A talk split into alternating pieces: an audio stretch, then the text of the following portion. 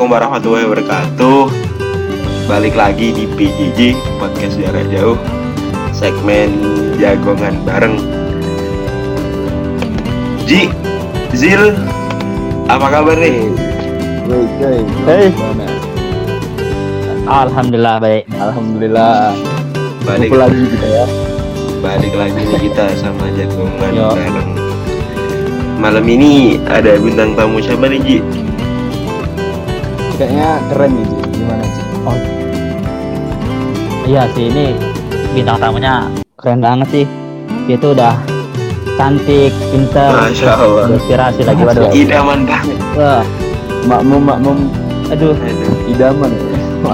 mungkin cowok-cowok langsung aduh. Mungkin langsung ter terpukau kali ya. Aduh, Apalagi lagi. lagi ini kayaknya.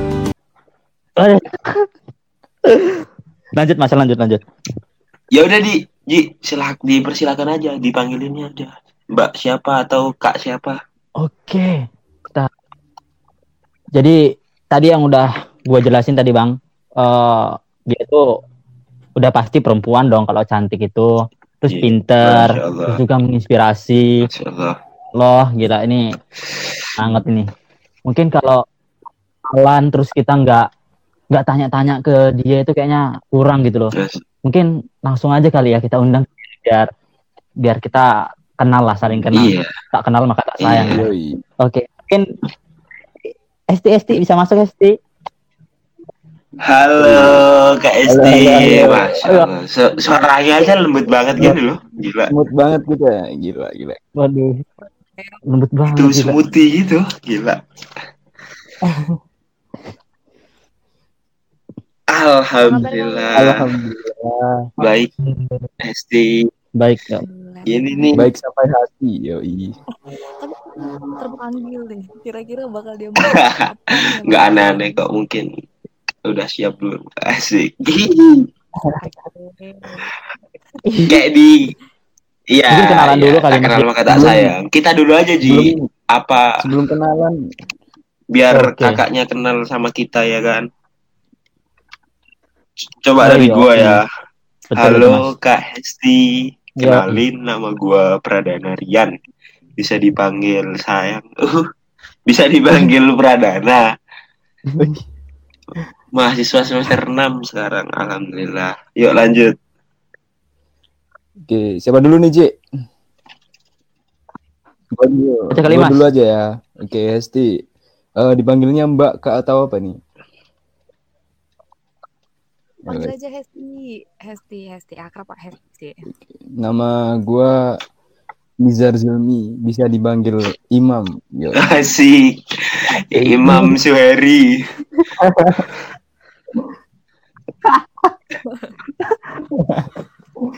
Kacau. berarti terakhir Ji ya Ya Ji, lanjut Ji. Oke, mungkin Hesti udah kenal lah, mungkin kenalan lagi lah ya. Eh nama gua Aji Perdianto. Gua mahasiswa semester 4 eh, tingkat 2 lah. Gua kuliah di Institut Teknologi PLN asik. Sekolah terfavorit itu. Eh, banget. sekolah lagi kampus. Oke. Ini pakai Kita trio wek-wek nih udah kenalan ya Esti. Sekarang coba Esti nih kenalan biar kita semakin dekat. Biar kita semakin Eh, nggak sedekat Aji sih kayaknya. Asik asik. kan semua di depan kan ya Ayo ayo Kak. Silakan Esti. Kenalan. Halo semuanya nama gue kenalin Hesti Awlandari akrab aja dipanggil Hesti umur 20 tahun kita seumuran dan bedanya gue belum kuliah nih tapi sekarang lagi eh, meniti karir ini Masa. adalah impian pekerjaan gue banget sebagai penyiar di salah satu stasiun Hmm, TV Gila. Wanita karir Masya banget nih kayaknya. Ini Kartini masa Umur kini, Kartini masa kini. Iya, Masya Allah. Umur umur iya. 20 udah mencapai impian. Gila gila gila gila. Oke, Itu mungkin Tapi yang kuliah masih kayak orang tua mungkin mikir dulu kan ya. Aduh, gimana gimana? minder jadi ya. Gimana gimana? Gimana Esti? Kok Emang Aji nih suka nyelepet-nyelepet gitu. Sorry, sorry.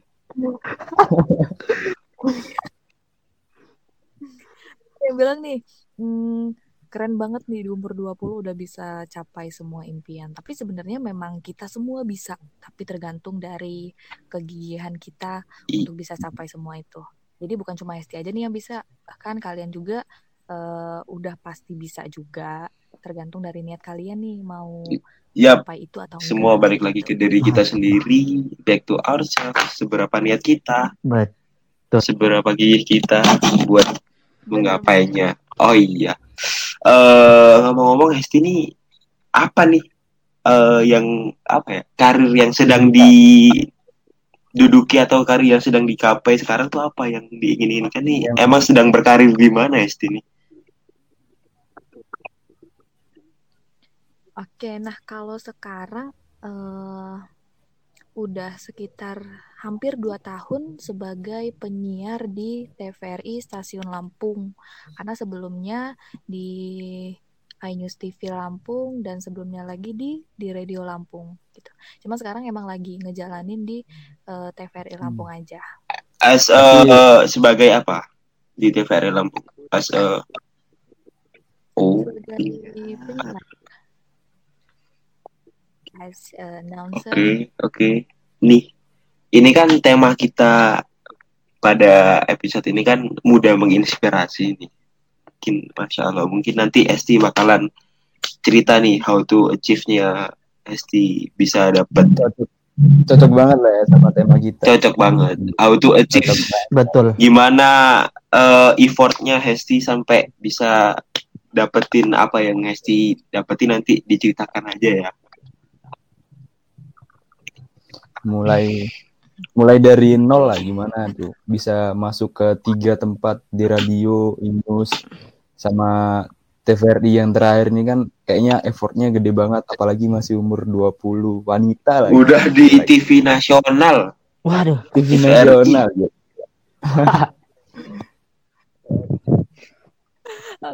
Ini kalau ngomongin tentang how to achieve, kayaknya orang yang emang kenal gue banget dari awal, mungkin Aji tahu ya kalau dulu di SMP ada organisasi jurnalis karena dulu emang gue suka banget nulis dan lebih eh, mengeluarkan ide-ide gagasan gue tuh dalam hal tulisan. Jadi gue masuk nih di organisasi jurnalis yang akhirnya gue sadar kalau kerucutan dari organisasi jurnalis ini berujung ke dunia broadcasting.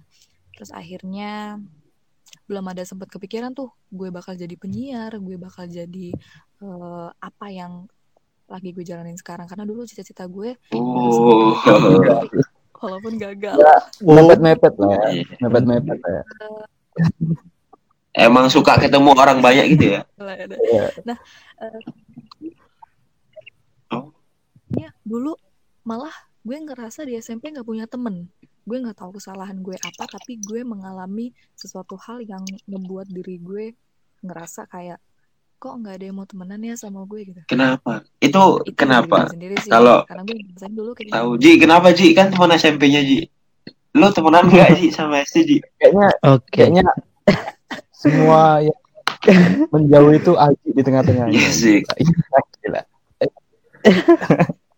Ya, gua gitu. Emang kalau cerita dulu gua di SMP ya, Bang Prat, Bang Jilmi ya. Gua sama SD itu emang di SMP ya, terutama kan kita di MTS tuh. MTS. Gua memang kelas 2 sampai kelas 3 itu gua kelas 2 SMP sampai kelas 3 SMP itu emang gua sekelas gitu sama SD. Memang di kelas pun ya kayak gitulah ya Hes ya orang-orangnya seperti itu. Termasuk gua pun ya sama seperti Hesti sih dapat ya perlakuan yang gak enak walaupun gua memang orang anak orang apa orang yang berorganisasi juga waktu SMP gitu kan. Memang dari dulu SD memang kurang dapat perlakuan yang enak lah dari teman-teman gitu kan. Tapi makanya yang menurut gua apa ya gua salut sama dia itu ketika dia jatuh bangun jatuh bangun jatuh bangun itu semangat dia untuk ngejar cita-cita dia itu nggak pernah apa ya gigi lah ya. padam gitu nggak pernah ya pokoknya gigih banget. Ya dia tuh Gigih. orangnya walaupun ada orang yang nggak seneng sama dia tapi dia tuh orangnya tetap ya udah sih hidup hidup gua gitu lah. Oh, gue yang, yang ngejalanin hidup ya gue enjoy aja udah sih. Gua toh akhirnya sampai sekarang gitu loh. Dan inilah hasilnya gitu. Gue makanya salut sih sama dia. Tapi gue dulu gak bukan orang yang tipe-tipe yang yang ngejain Hesti ya. Yang nggak berkawan sama Hesti enggak sih. Ya Hesti enggak kan gue Hesti Enggak lah, tapi dulu uh, emang emang yang masya Allah banget nih. Aji tuh bukan bukan tipe cowok yang sok cool atau yang yang mentingin apa ya perbedaan. Kalau dulu mah kayak ngerasanya lebih lebih bagus ya, lebih mungkin dia lebih ganteng, lebih kaya, lebih apa. Terus akhirnya dia menjauhin orang-orang yang mungkin di bawah dia. Hmm. Tapi Aji dulu orang bela banget. Dia bisa gue ajak cerita, dia bisa uh, bertukar pikiran sama gue dan akhirnya ya ya udah berteman dan uh, karena dulu Aji se apa ya sepeduli Wih. itu sama gue dan itulah yang salah satunya ngebuat gue ngerasa alhamdulillah Oh. punya temen nih gitu ya walaupun emang Oh. gitu Alhamdulillah. di di notice lah ya Cuman- Di- kita di- Men- Cuma jadi temen kan? Iya. tapi perhatiannya udah di notice Iya. Tapi emang Aji tuh suka ngasih perhatian gitu loh. Hati-hati aja sampai sekarang. Tapi eh, menarik gitu ya di zaman SMP dengan struggle yang begitu banyak eh, sedikitnya kawan terus cuman ada satu orang. Tapi di situ SD masih apa bisa ngelakuin apa tadi ekstra ya? Yang jurnalis itu? Nah itu gimana? Nggak nggak takut gitu dengan iya. kita yang nggak ada temen tapi mengikuti suatu ekstra itu gimana? Nggak nggak ada kayak takut atau gimana gitu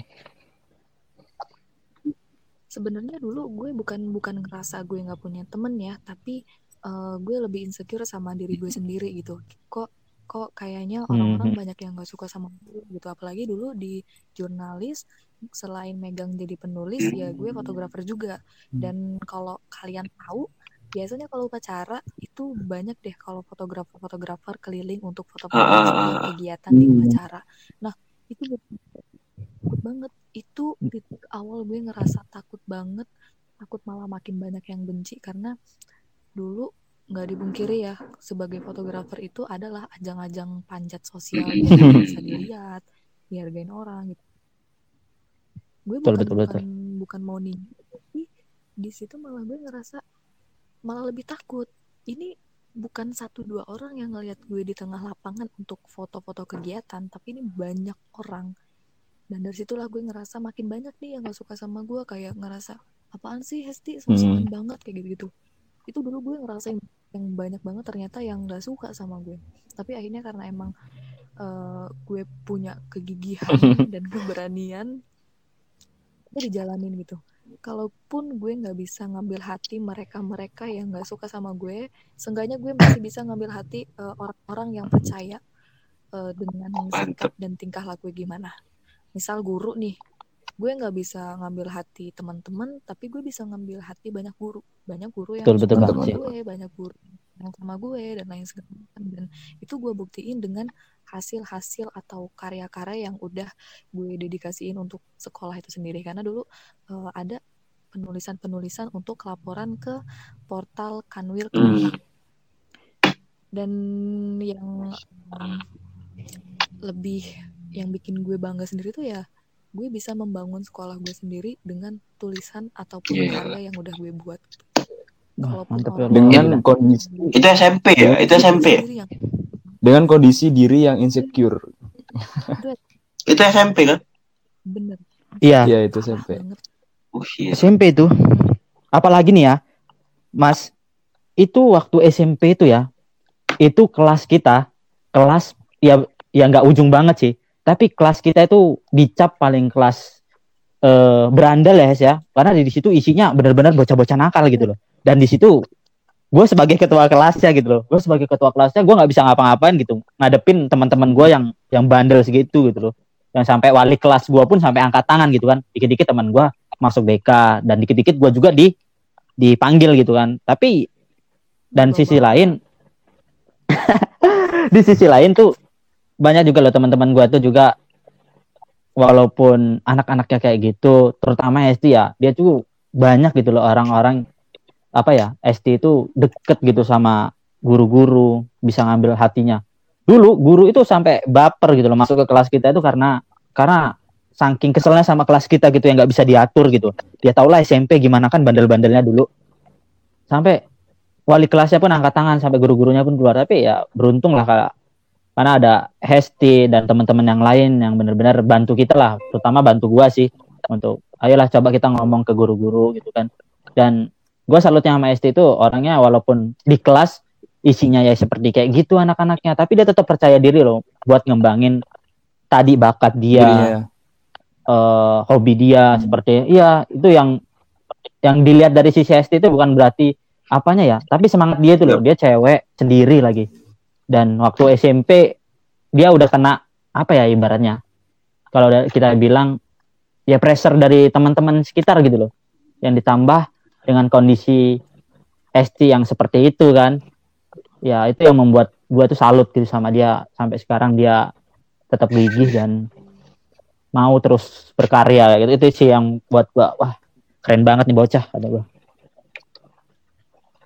Nah, dulu kalau mau ceritain masa-masa sedih ya, Aji tahu banget nih dulu SMP em, kalian bisa study tour dengan tujuan kota-kota yang dari dulu gue pengen banget ikut, tapi gue nggak bisa ikut karena kondisi finansial gue yang nggak mendukung dan lain-lain gitu. Tapi ya balik lagi ke gimana caranya kita kuat sama hal itu gitu. Gue sadar diri finansial gue nggak mendukung untuk ikut study tour dan gimana dong? Kita sedih kita pengen banget ikut dan kita ngelihat bahagianya teman-teman kita ikut. Tapi ya udah karena emang gue sadar diri nggak bisa ikut ya udah bener-bener kayak di jalan-jalan aja gitu. Jadi dulu tabungan gue tuh eh, kalau nggak eh, apa ya dulu ada tuh terbitan tulisan di koran yang koran itu membayar Hmm. tulisan kita dari situ. Terus juga dulu masih suka banget nih gue kayak gue nggak malu gue dagang gue nggak malu gue jualan apa pun yang bisa gue jual. Yang Iya, iya, penting kayak eh, bisa ada suatu tabungan gitu. Dan sampai akhirnya di titik sekarang gue ngerasa gue malah kayak sedih banget gitu. Dulu gue susah banget sumpah untuk ikut ke ke kota-kota yang kayak Bandung Jogja itu siapa sih yang nggak ya. Terus sekarang tuh eh, pencapaian itu kayak dulu gue susah banget untuk ikut apa pun keluar jangankan keluar provinsi ya kayak kita keluar kota aja gue nggak pernah karena ya emang gue ngerasa gue nggak bisa gitu. Dan sekarang gue malah bisa sendirian ke kota tersebut bisa keliling-liling yang itu Gila. pakai uang dari eh jerih payah gue sendiri gitu. Gue lagi tau banget deh gue suka banget keliling-liling kelas cuma untuk nawarin eh, dagangan-dagangan gue gitu. Kalau Betul banget, gila. malu malu tapi balik lagi ke ke kitanya deh gitu. Kalau kita mau sesuatu hal itu harus ada usaha. Dan gue tuh bukan tipe anak yang cuma bisa minta terus apa yang mau kita beli kebeli gitu. Gue dulu nggak banget gue dulu susah banget. Jadi eh, rasa malu gue dekep sendiri terus rasa iri ya gue simpen sendiri gitu. Terus sampai akhirnya ya ya udah berjalan aja. Gitu deh aja tau banget dulu gue suka jualan apa Ji? Kalau lo inget Ji. Waduh. Gehu. Jual apa Ci? dan gahe Apa jualan gehu. Apa itu? kalau di kampus kan risol. Kalau di kampus kan risol. Kalau kita gehu. Gehu Tau tuh nggak gehu? tahu. gehu tuh tahu. Isinya isinya ya kayak kayak tumisan Tahu. gitu loh. Tapi apa ya. Gila, tapi keren banget sih. beda mas risol risol Keren banget sih. Sampai Iya, bisa emang. se struggle gua itu. gila sih gua tuh salut sih sama dia karena gak hesti juga sih gua juga kayak gitu sih gua juga dulu dagang juga nasi goreng gitu kan kadang gua sama Hesti itu bersaing malahan dagang-dagang itu kita emang nggak malu gitu dulu tuh kita tuh waktu SMP tuh nggak pernah malu dagang gitu kan ya seperti itulah. Kita tuh nggak bakal pernah malu sih terutama Hesti sih teman gigi dia dia itu dia dagang segala macem.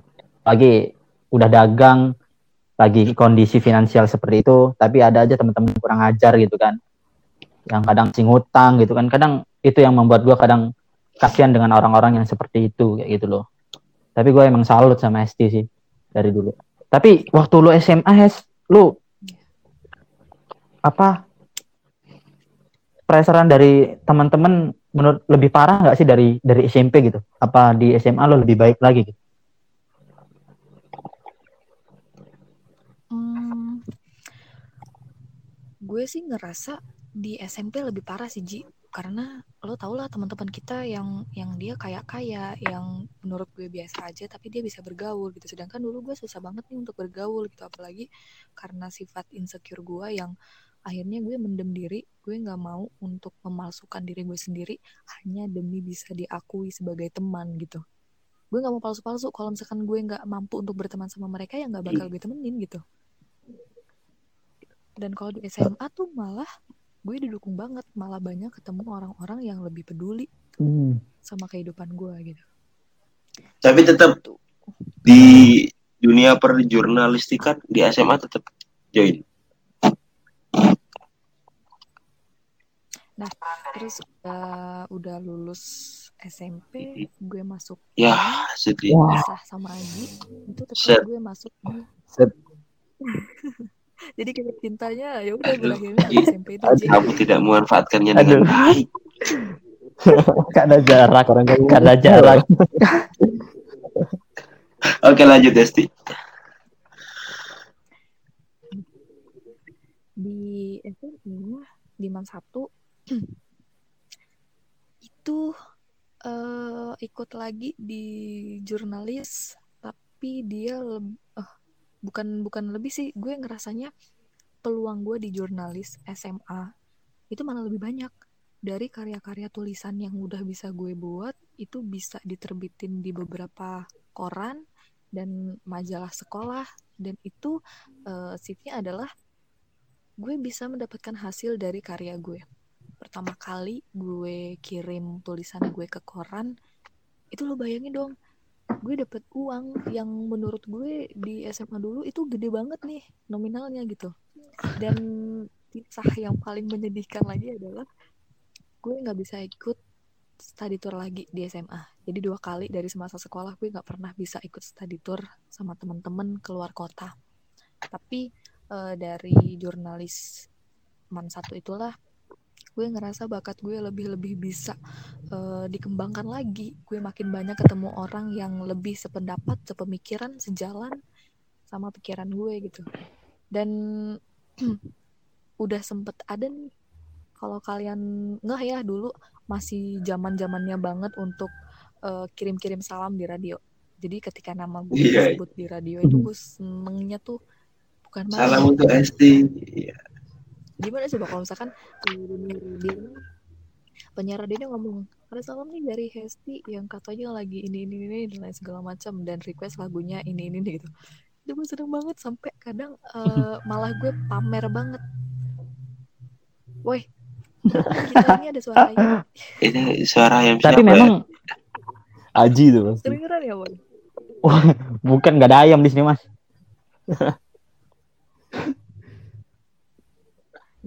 oke lanjut terus dari situ hmm, banyak eh, dapat dapat apa ya dapat dari tulisan-tulisan. Tapi eh, kok makin ke sini gue bosan nulis. Dan gue malah nggak nulis lagi sekarang. Tapi lebih ke eh, berbicara lebih ke speakingnya. Dari yang awalnya gue pendiam banget dan nggak bisa ngomong apa-apa ya makanya segala omongan gue tuh ya gue ungkapin di tulisan-tulisan itu dan akhirnya sampai eh, kepikiran untuk bisa jadi penyiar ketika gue ngerasa ada rasa ketagihan untuk berbicara Jadi Esti ini dulu termasuk orang yang pendiam gitu. Pendiam ya. bukan pendiam sih Insecure. rasa Jadi takut untuk ngomong. tadi Dan titik hmm, titik baliknya itu ketika momen pas apa? Jadi for the first time Esti speak up di depan orang banyak itu pas ngapain?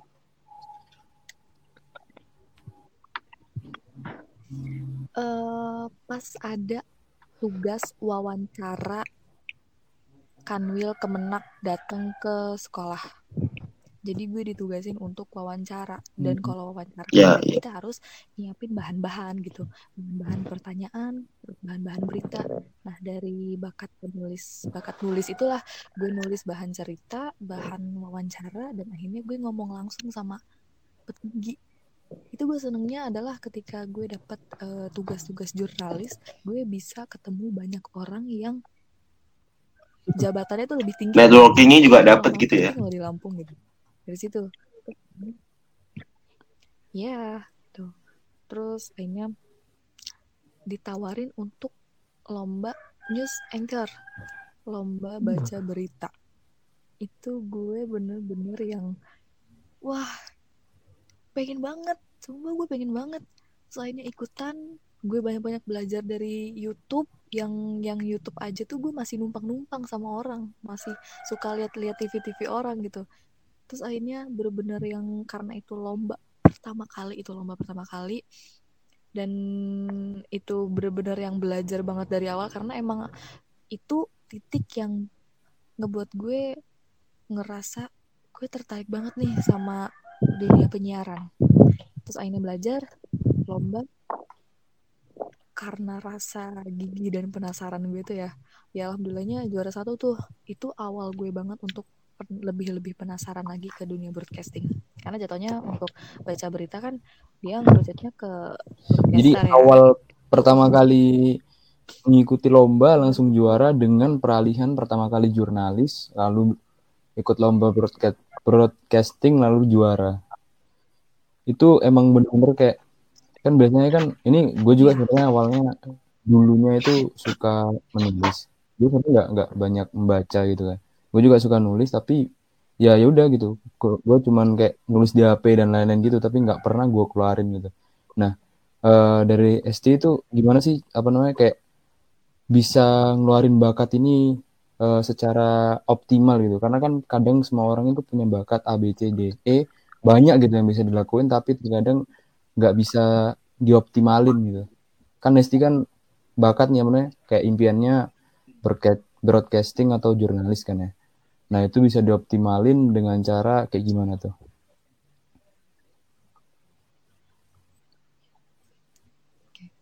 Sebenarnya eh, ada tiga hal yang dari dulu Hesti anut ya untuk bisa ada di titik sekarang. Keberanian kegigihan dan usaha kerja keras. Kalau kita berani aja tanpa adanya kegigihan itu gak akan Betul bisa banget. jalan gitu lo berani doang. Ya lo bakal ngerasa apa yang lo lakuin itu lo remehin. Gitu loh. Lo nggak ada rasa penasaran banget nih sama keberanian lo gitu. Lo berani tapi lo nggak ada usaha yang yang kuat banget untuk bisa raih semua itu gitu. Jadi tiga hal ini yang menurut gue penting banget untuk kita bisa dapat semua apa yang kita inginin.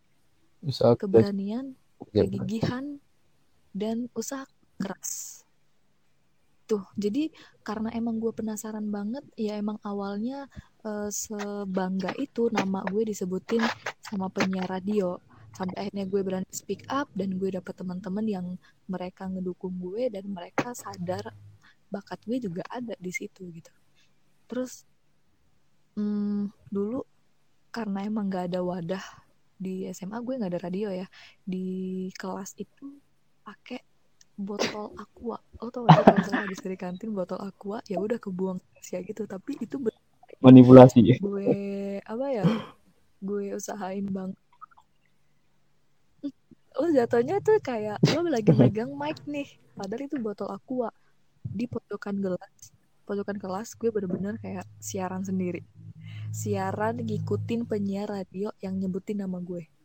Itu bener-bener yang kalau orang ngelihat gue mungkin gue udah gila ngapain sih lo Hesti? Ngapain sendiri. Ngapain sih lo Hesti? Dan lain-lain segala macam gitu. Tapi ya kalau kita punya sesuatu keinginan impian itu bener-bener bakal gue lakuin karena emang dulu pengen banget jadi penyiar radio nih. jadi ya udah gue belajar jadi penyiar radio ngomong-ngomong gak jelas gitu. Dan gue malah ketemu sama teman-teman yang gacor. Jadi ya gue punya apa ya lawan bicara yang bisa ngebangun bakat gue juga di penyiaran itu tuh terus sampai akhirnya lulus bukalah audisi penyiar radio. Gue inget banget dulu tuh bener-bener yang aduh bisa nggak ya gue? Bisa nggak ya? Bisa nggak ya? Gitu. Itu terus yang takut. Tapi balik lagi gue pengen banget jadi penyiar radio. Pengen banget terus akhirnya ikutlah audisi pertama. Itu malah gagal. Itu belum audisi aja gue udah gagal. gagal Berarti nggak nggak sempet nyoba itu. takut. Jadi datang enggak di pertama itu gagal. Gagalnya itu ya dari diri gue sendiri. Gue ngerasa nggak yakin nih gitu. Padahal ya itu tadi gue bilang harus ada keberanian kan dan kegigihan. Waktu itu gue cuma punya kegigihan punya usaha Iya juga ya. berani terus akhirnya audisi pertama gue gagal. Gue kerja jadi eh, pelayan di salah satu apa ya tempat makanan. Tapi di situ ya bukan berarti gue nggak nggak bisa untuk nambah wawasan lagi di dunia penyiaran ya. Justru malah di tempat makan itu sering ngadain eh, acara-acara dan gue malah memberanikan diri untuk jadi MC di acara restoran itu. Dari situ gue malah ngerasa gue ada tempat belajar lagi nih selain gue bekerja gue ada tempat untuk belajar lagi gitu. Jadi selama bekerja jadi pelayan gue belajar lagi untuk eh, nambah wawasan gue tentang dunia penyiaran. Bekerja jadi pelayan selama 6 eh 5 bulan buka lagi audisi penyiar radio. Gue yakinin diri gue sendiri untuk bisa ikut audisi itu. Dan akhirnya ikut audisi masuk nih. Masuk tapi gue malah takut. Karena dulu apa ya lo bayangin dong gue yang ngerasa gue dari jiwa pelayan loh. Terus ketemu sama orang-orang yang hits banget Ya udah pro ya, pro gitu ya. penyiar radio. Padahal dulu banyak banget ah yang udah pro gitu. Gue punya apa sih gitu? Gue berani apa ya untuk ikut kayak gini gitu? Tapi namain rendah diri deh. Kalaupun kita bisa kita sombong itu nggak akan ngehasilin apa pun. Tapi kalau kita bisa kita diam-diam aja. Ya udahlah semuanya juga lancar tuh pastinya Usahanya gue masuk masuk masuk gue ngerasa gue banyak temen. Gue banyak temen dan gue malah kalau yang gue gak punya banyak temen. Dan sekarang gue punya banyak teman yang mereka lagi semangat gue. Terus akhirnya udah masuk radio training selama tiga bulan. Dan tiga bulan itu eh, apa ya itu banyak banget pengalaman yang yang gue ambil dan lo bayangin deh di beberapa tahun yang lalu gue seneng banget nama gue disebut dan gue udah bisa ngerti sama orang gue udah bisa ngerasain jadi Yang awalnya di radio, kelas gitu ya. adanya eh, Iya, iya Akhirnya gue nemu di impiannya kelas kayak gitu. gila gue siaran sendirian mbak malah ya lah tapi keren sih. Yang yang yang gue dapat dari Hesti itu sebenarnya gini sih. Ya betul tadi ya. Benar kata dia tadi soal kegigihan dan keberanian dia itu ya. Jadi gue melihat dia itu bahwasannya ketika dia udah menjadi seorang presenter di stasiun TV nasional lah.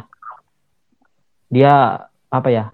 Melihat perjalanan dia dari nol sampai sekarang yang ternyata nggak enak gitu loh butuh tantangan terus juga mungkin nggak disukain orang sampai akhirnya dia sampai apa aja dilakuin sama dia untuk bisa mengasah bakat dia tadi itu. Yang itu sih yang menurut yang gue tangkap itu bahwasannya memang benar-benar bahwasannya kadang dari kita nih ya dari kita sendiri nih terutama kadang kita mahasiswa nih ya Hes eh terkadang kita itu hanya punya kemauan keinginan tapi kadang keberanian kita nggak ada.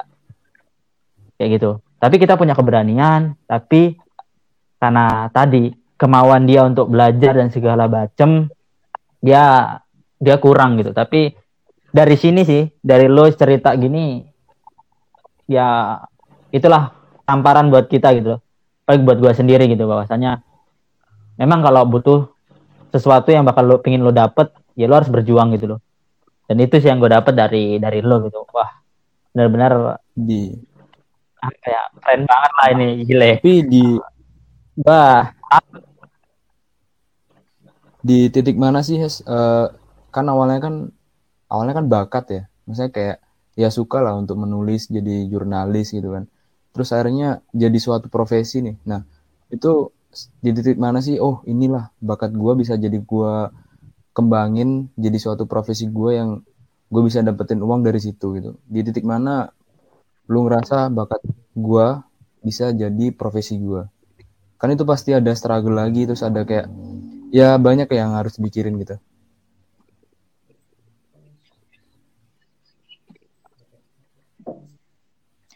Balik lagi ke finansial ya. Hmm, karena dulu gue ngerasa gue masih susah jadi biaya sekolah pun masih gue sendiri yang nanggung gitu dan waktu gue dapat bayaran dari tulisan-tulisan gue itu ya gue ngerasa bersyukur nih kayaknya memang siapa tahu rezeki gue emang dari dunia jurnalis atau broadcasting ini gitu jadi gue ngerasa apa yang mau gue kerjain ini harus sesuai sama apa yang hati gue mau gitu kayak lo kerja kalau nggak sesuai sama passion lo mau seberapa pun gaji Hmm.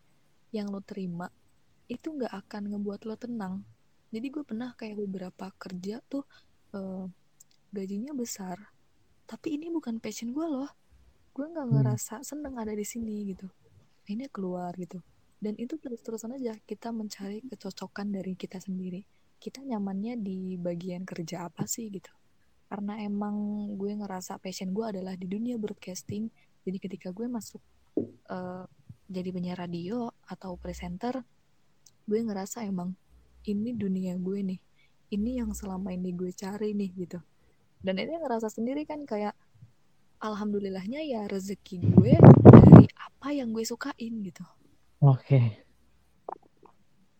That's point Nice. kayak sese- seseorang yang di eh. Hmm, apa masih mau lo lanjut lagi tuh gimana nih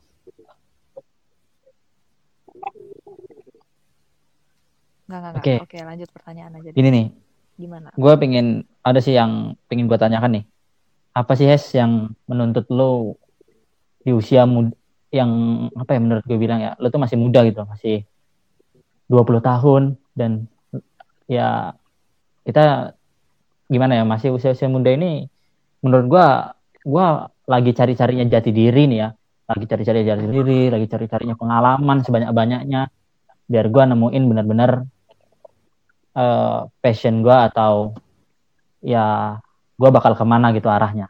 Tapi yang menuntut lo untuk menjadi wanita karir di usia muda itu apa sih? Gue penasaran gitu.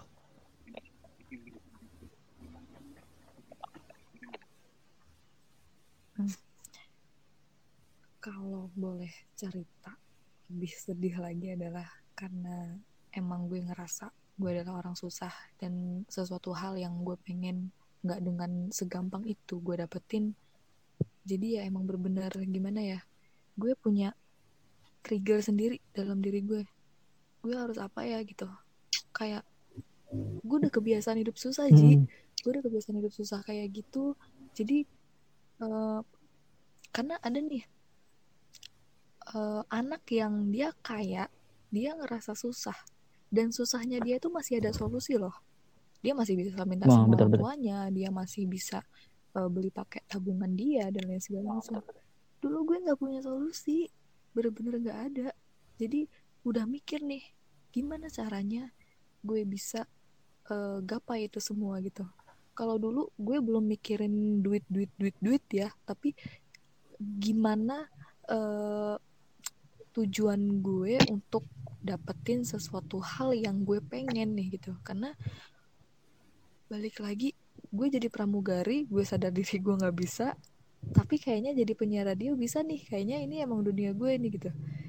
Pokoknya semuanya dari mimpi dulu deh gitu. Lo mimpiin dulu Ya, betul mau betul. jadi apa gitu. Ke depannya ya lo jalan aja dulu. Ini nanti lo mau sendiri nih arah tujuan hidup lo tuh bakal ke mana gitu. Dan gue waktu itu mimpinya gue pengen dulu deh jadi penyiar radio gitu. Masuk akhirnya ya udah jadi gitu. Ya itu tadi tiga hal yang harus lo tanemin di diri lo sendiri.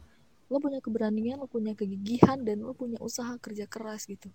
Karena dulu gue sempet kebingungan juga nih. Ini gue mau ngapain ya abis sekolah gitu. Dan dulu di SMA kelulusan orang-orang pada kocar kacir nih cari universitas. Gue mau ngapain? Gue kuliah gue nggak mampu loh apalagi yang yang gue ngerasa gue pengen kuliah di jurusan Wah. sastra Jerman Unpad waktu itu Oh ya dulu lo SMA jurusan bahasa ya. Yang gue tahu lo, Gimana ya ya lo yang gue tahu dulu SMA lo emang jurusan bahasa kan. Emang emang dari SMA gitu kan. Gue Iya. kaget ketika langsung di penjurusan mah tertarik dah dunia. Oh lu juga ngikutin SD sampai SMA ya Jim? Meskipun SMP udah.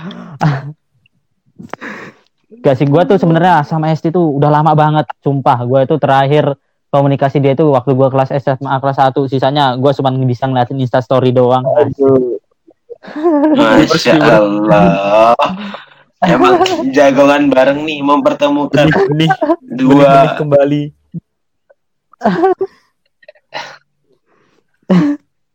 Iya gue udah lama banget sumpah gila. Dan gue chat Hesti tadi Eh, kan. tapi iya tahu Hes eh, Aji nih cerita ke gua nih ini udah lama banget nggak ngobrol dia grogi banget jadi kayak gimana ya gimana ya gitu tadi Iya. gue sampai bingung gitu kan Hes kalau lo mau tahu nih kita ber- bertiga itu betul mah gue ngobrol nih sama abang-abang gue kalau di kampus lah gue bilang sama mereka berdua nih kayak mana nih kita ngobrol sama orang ini nih. Terus dia nanya kan emang dia orangnya gimana gimana gimana? Gue ceritain lah kayak gitu kayak gitu yang yang, yang gue tahu aja yang gue tahu-tahu aja gue ceritain gitu kan. Soalnya ya sekuda apa sesibuk lo gitu tapi lo masih bisa gitu loh nyempetin waktu itu. Itu suatu kebanggaan buat gua buat kita berdua juga eh ber- bertiga juga gitu loh. Bahwasanya wah ini nih kesempatan kita bahwasanya bakal ngulik-ngulik lo lagi sih. Kenapa lo bisa apa ya berusaha keluar dari lingkaran dalam artian lingkaran ya kehidupan yang menurut lo serba apa ya kurang lah maksudnya kurang berkecukupan. Tapi lo gimana caranya lo cewek lo sendiri baratnya ya pasti adalah dukungan-dukungan dari keluarga kayak apa tapi yang gua lihat lu cewek lu sendiri tapi lu gimana caranya lu berusaha keluar dari lingkaran yang menurut gua buat hidup aja mungkin susah gitu loh. Tapi dengan apa ya lu cerita kayak gini menga- mengajarkan kita buat bersyukur lagi lah. Bahwasanya banyak orang-orang yang belum bisa apa ibaratnya hidup enak dulu zaman dulu tapi karena dia berkat kegigihan dia kerja keras dia usaha dia dia bisa mencapai semuanya itu. Dan dia bisa mungkin apa ya bisa yang eh, dulu yang nggak lo rasain di sekarang sekarang ini bisa lo rasain gitu. Tanpa lo minta ke orang tua. Ya gitu sih. Tidak keren banget sih mas. Oh tap ya, SD ini ibarat peribahasa nih perju apa ya? Perjuangan tidak punya hasil. Apa apa ya itu tuh apa jadi jadi grogi nih gua nih apa mbak? Kalau peribahasa itu apa ya mbak Esti ya? Perjuangan tidak mengkhianati hasil atau gimana ya Nah, iya Iya, benar. Apa yang kita usahain itu kalau kita gigih dan kita tekun, kita yakin kita bisa capai di puncaknya. Ya apa pun yang lo usahain, walaupun lo jatuh bangun, juga Ya. lo bakal ngerasain seneng. berakit Itu rakit ke hulu berenang-renang ke tepian sih bersusah-susah dulu bersenang-senang kemudian gile bersenang-senang kita kemudian oke gue penasaran nih gaji dari seorang presenter itu berapa digit sih? Kepo banget ya harus bisa lah ya Mas. buat jalan Iya. jalan ke Jogja PP berapa kali ya ya biar kita juga gigih gitu loh Hes. Kalau siapa tahu jodoh kita kan jodoh kita seorang pramugari atau presenter. Kalau halus rasanya aja nih halus banget. Jodoh kita seorang presenter gitu. Iya lah. Kita pengen tahu sih sebenarnya. Berapa iya, Enggak sih itu aja aja sih yang pengen tahu. Gue mau aja aja deh. Lanjut lanjut. Hmm. Pernah gak sih orang dengar ada uh, kalimat bilang gini, ada beberapa pertanyaan yang sebenarnya yeah, yeah. saru banget nih untuk ditanyain sama orang tersebut. Gaji, tentang kapan nikah, tentang kapan kapan kapan kapan kapan lah gitu. Karena sebenarnya ya lo mau sukses di usia tua juga ya bisa aja, lo mau sukses di usia muda ya bisa juga gitu. Jadi itu sebenarnya emang dari dari takdir lagi sih, balik lagi gitu. Cuman kalau untuk masalah gaji nih, eh gue tidak bisa menyebutkan secara detailnya nominalnya berapa, tapi itu yang ngebuat gue ngerasa ya Allah, gue bersyukur banget selama ini, selama ini, selama ini, selama ini gitu. Nah, apalagi dulu sebelum masuk TVRI, lo bayangin deh, gue nontonin TVRI, nontonin ada namanya Putri sama Audrey. Gue nontonin mereka siaran berdua bawain acara musik lo tahu nggak di depan TV gue ngomong apa? Ya Allah pengen banget siaran kayak mereka gitu. Wih, gue sampai nangis. Uh, kalau dulu gue pernah sesuatu hal yang lagi pengen-pengennya kita senengin coba deh untuk didoain lo solawatin sampai lo lihat tujuan lo ini kayak apa gitu. Jadi di depan TV tuh bener-bener gue solawatin nih gue solawatin. Dan gue ngerasa gue yakin banget gue pengen banget siaran di sini gitu. Itu gue nontonin mereka loh yang jelas-jelas mereka ini putri ini tetangga gue gitu. Dan si Audrey ini senior gue waktu di radio gitu dari awal mimpi-mimpi aja sih kayak pengen banget lihat mereka siaran pengen banget siaran sama mereka gitu. Dan sampai akhirnya gue ngerasa gue ada di titik di mana sekarang gue bisa siaran sama mereka. Mantap mantap mantap. Siaran satu frame. Jadi dulu waktu awal-awal TVRI gue belum bisa siaran tapi gue masih ngeliatin mereka siaran. Dari yang awalnya gue cuma ngeliatin mereka siaran depan TV sekarang gue bisa ngeliat produksi siaran mereka kayak apa di studio. Gue liatin gue belajarin di banget semua gitu. Terus akhirnya barulah gue casting. Casting terus interview dan lain-lain segala macam. Dan di interview itu mereka bukan bukan gali bakat gue tapi mereka malah ngulik atau gali-gali kisah-kisah yang menurut gue menyakitkan nih dari zaman SMP sampai sekarang. Gue gigih mau jadi presenter di TVRI itu gitu. Terus akhirnya besoknya itu gue langsung diajak syuting keluar kota. Jadi lo bayangin deh kalau gue gak masuk di TVRI gue gak bakal keluar kota. Dari sesusah itu gue gak bisa keluar kota kecuali kalau gue gak masuk di TVRI terus akhirnya siarannya uh, keluar kotanya uh, sama Audrey itu pertama kali. Besok besoknya gue ditawarin sama produser A produser B produser C untuk bawain acara-acara mereka gitu.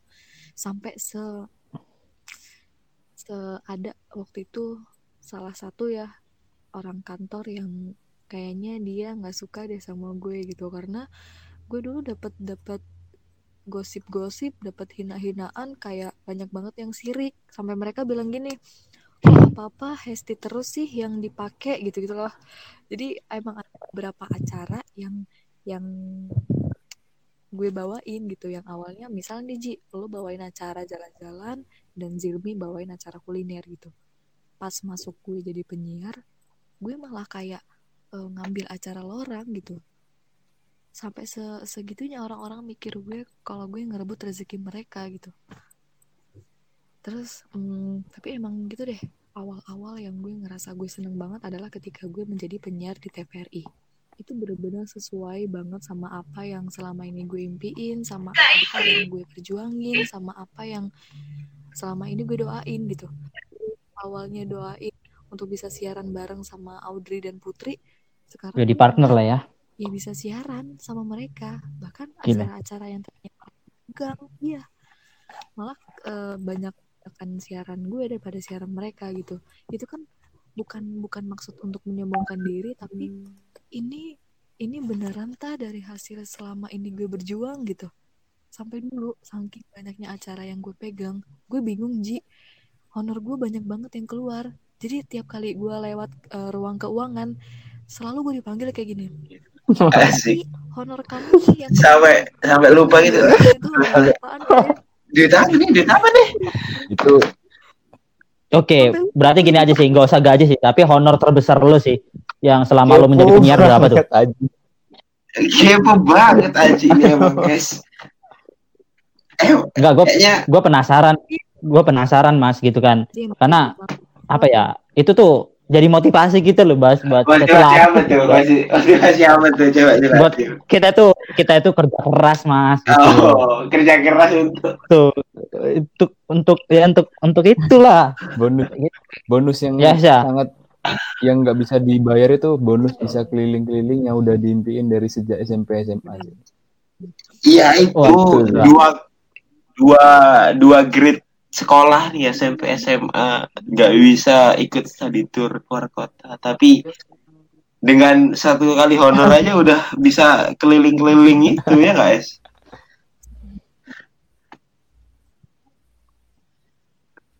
benar alhamdulillah ya Allah. Dan sebenarnya Yap. kalau penyiar gajinya itu bukan bulanan tapi jatuhnya kayak freelance nih.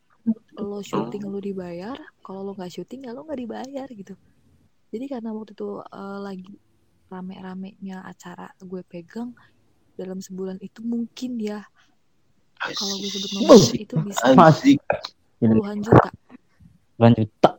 itu titiknya bener mata so proud with myself gitu ini ya Allah ya Allah, Gua- ini gua aja nggak kebayang, Hes. Gua tuh nggak yang kebayang, bisa gila. gue beli, Di usia semuda lu, gue lo bisa ngasilin duit sebanyak itu buset. Gila gue zaman gue udah umur 20 20 tahun aja gue masih minta coy. Masih Aji merasa insecure nggak abis denger ini? Insecure banget. Insecure banget gue anjir sumpah. Gila. Kalau lu banyak job tuh bayangin lo mas. Lu banyak job sebulan itu lu bisa ngasih puluhan juta sampai ratusan juta coy Pantes artis-artis Gua- tuh kayak gua kaya ya. aku mundur alon alon lagi udah gitu lagi nyanyi ya, ya. Nyanyi habis ini nyanyi. Gila gila gila. Salut salut. Gila. Mungkin dari kita ada yang tertarik untuk jadi presenter mungkin abis ini ya monggo lah. Hubungin Hesti kali ya. Tapi eh, apa ya?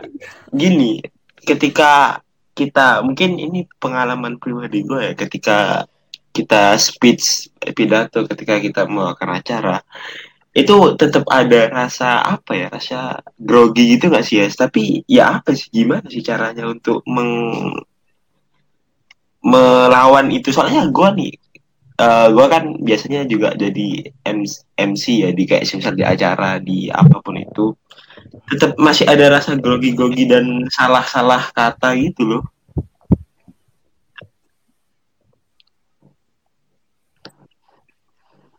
Hmm, eh, nih ya, buat Zilmi, Pradana, sama Aji. Ada satu hal yang harus kalian eh, apa ya? Bukan diyakini, tapi kalian percaya deh. Semua hal itu ada timbal baliknya.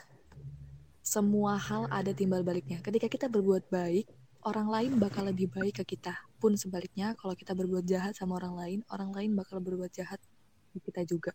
Jadi waktu itu karena emang gue ngerasa gue butuh dan gue pengen karena ini adalah pekerjaan impian gue dari dulu nih gitu. Jadi eh, bersyukurnya adalah gue ketemu banyak orang yang mereka mau membagi ilmu-ilmu mereka itu senior-senior gue ya gitu. Jadi ya terus aja lo jangan banyak banyak banyak gaya dulu tapi lo belajar dulu deh gitu.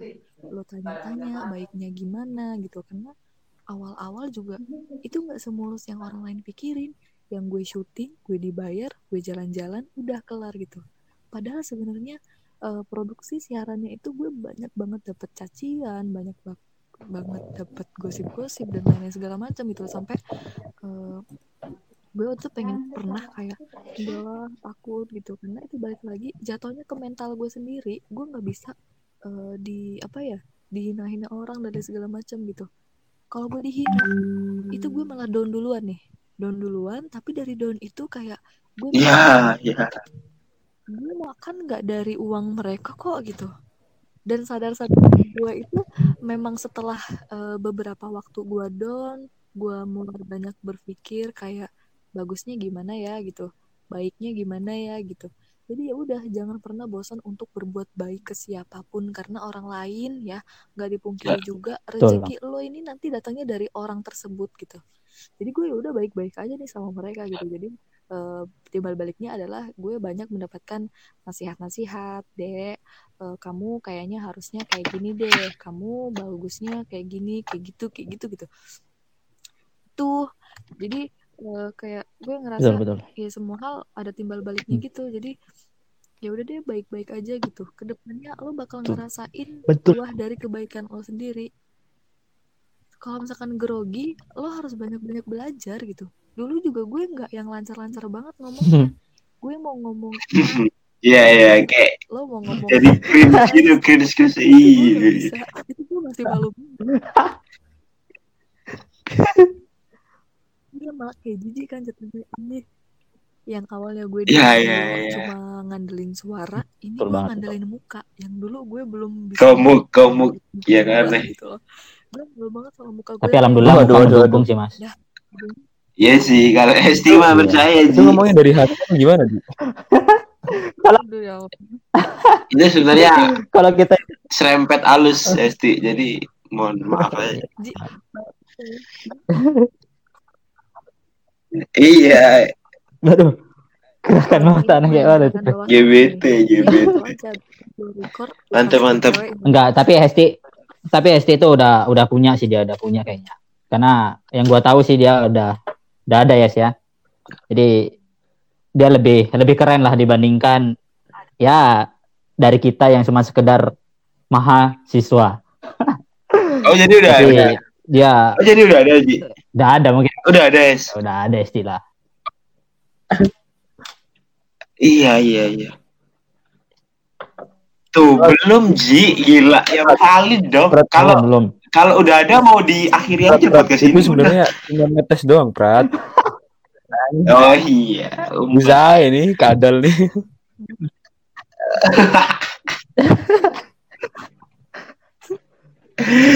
Maaf kak, jadi kayak gini podcast sama orang-orang laki ini jadi agak digoda-goda gitu.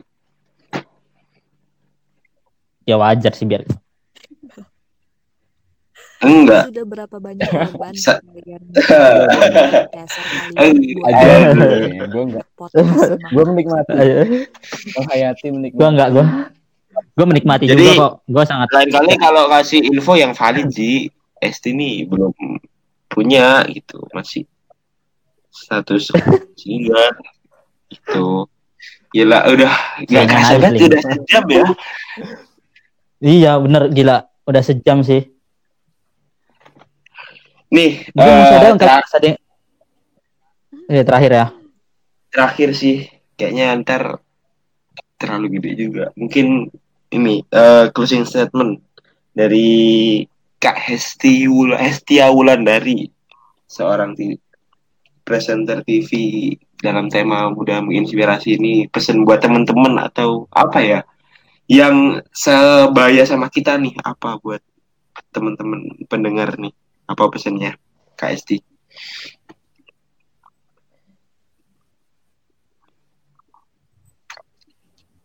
Oke, pesannya adalah ketika kalian menginginkan sesuatu, ada kan tiga hal. Yang pertama, keberanian, kegigihan, dan kerja keras, usaha. Kalau kalian cuma ada modal keberanian tapi kalian gak gigih, nantinya bakal berdampak gak baik di diri kalian sendiri. Jatuhnya kalian akan meremehkan sesuatu hal yang kalian inginkan.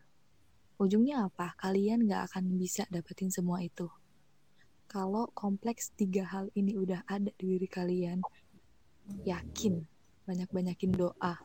Karena balik lagi itu semua tergantung dari kehendak Tuhan ya.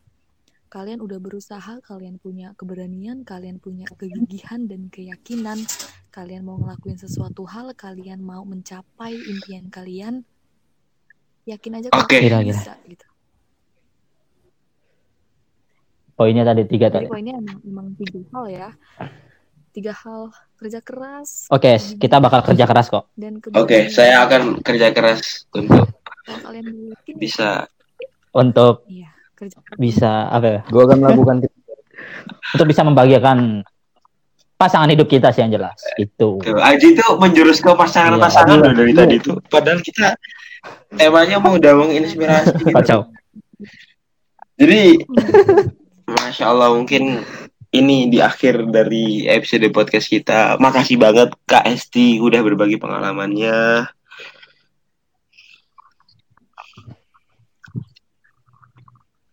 Banget buat kalian bertiga yang udah ngundang gue semoga ke depan Amin. Semoga kita bisa men-encourage teman-teman muda masa kini untuk lebih produktif lagi. Jangan hanya rebahan, ya kan? Betul banget. Hmm, Iya sih, mumpung lagi waduh ada momen rebahan penting loh perannya ini dulu. Tapi kan kita lagi produktif nih, bikin podcast biar teman-teman bisa menikmati dan sebagainya.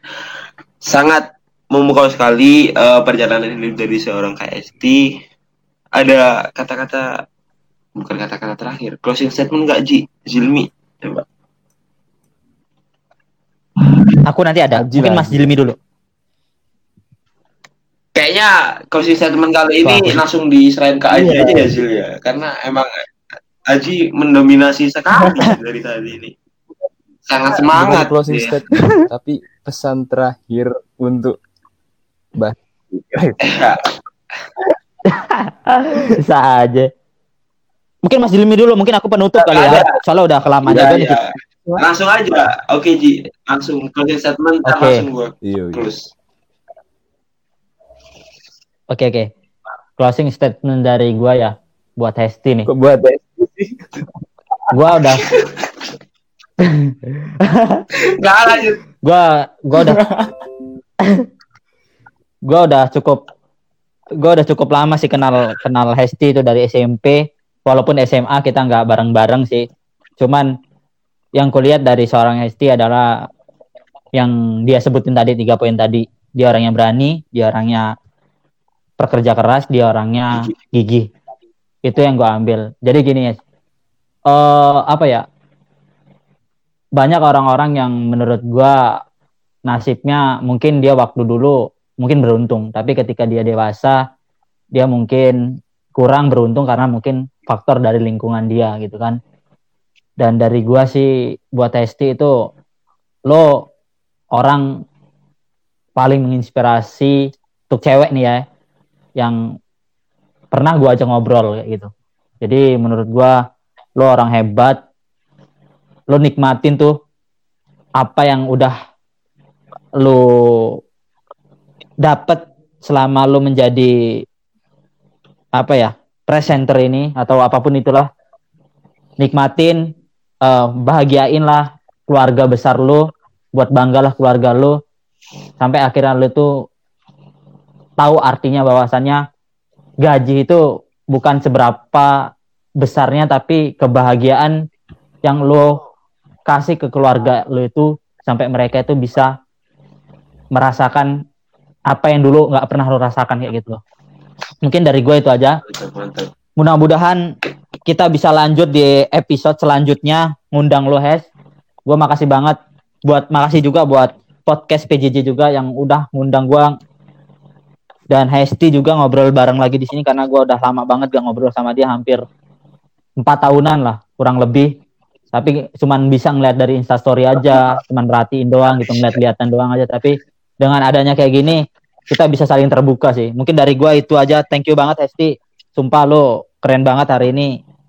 Ya ngucapin ba- eh, banyak-banyak terima kasih lah. Mungkin itu aja sih bang dari gua. Oke. thank you banget Hesti. Udah ya Ji, Eh, kita tunggu kabar baiknya Kak Esti. Mungkin entah kenaikan jabatannya jadi apa pun itu kita terus berkabar aja ya Kak. Keep moving forward, Ter- terus menginspirasi. Mungkin cukup sekian eh, episode jagongan bareng Kak Hesti. Apabila ada salah kata dari ber, kita bertiga mohon dimaafkan. Apabila ada salah kata dari Kak Hesti mohon dimaafkan. Saya tutup. Wassalamualaikum warahmatullahi wabarakatuh. Waalaikumsalam warahmatullahi wabarakatuh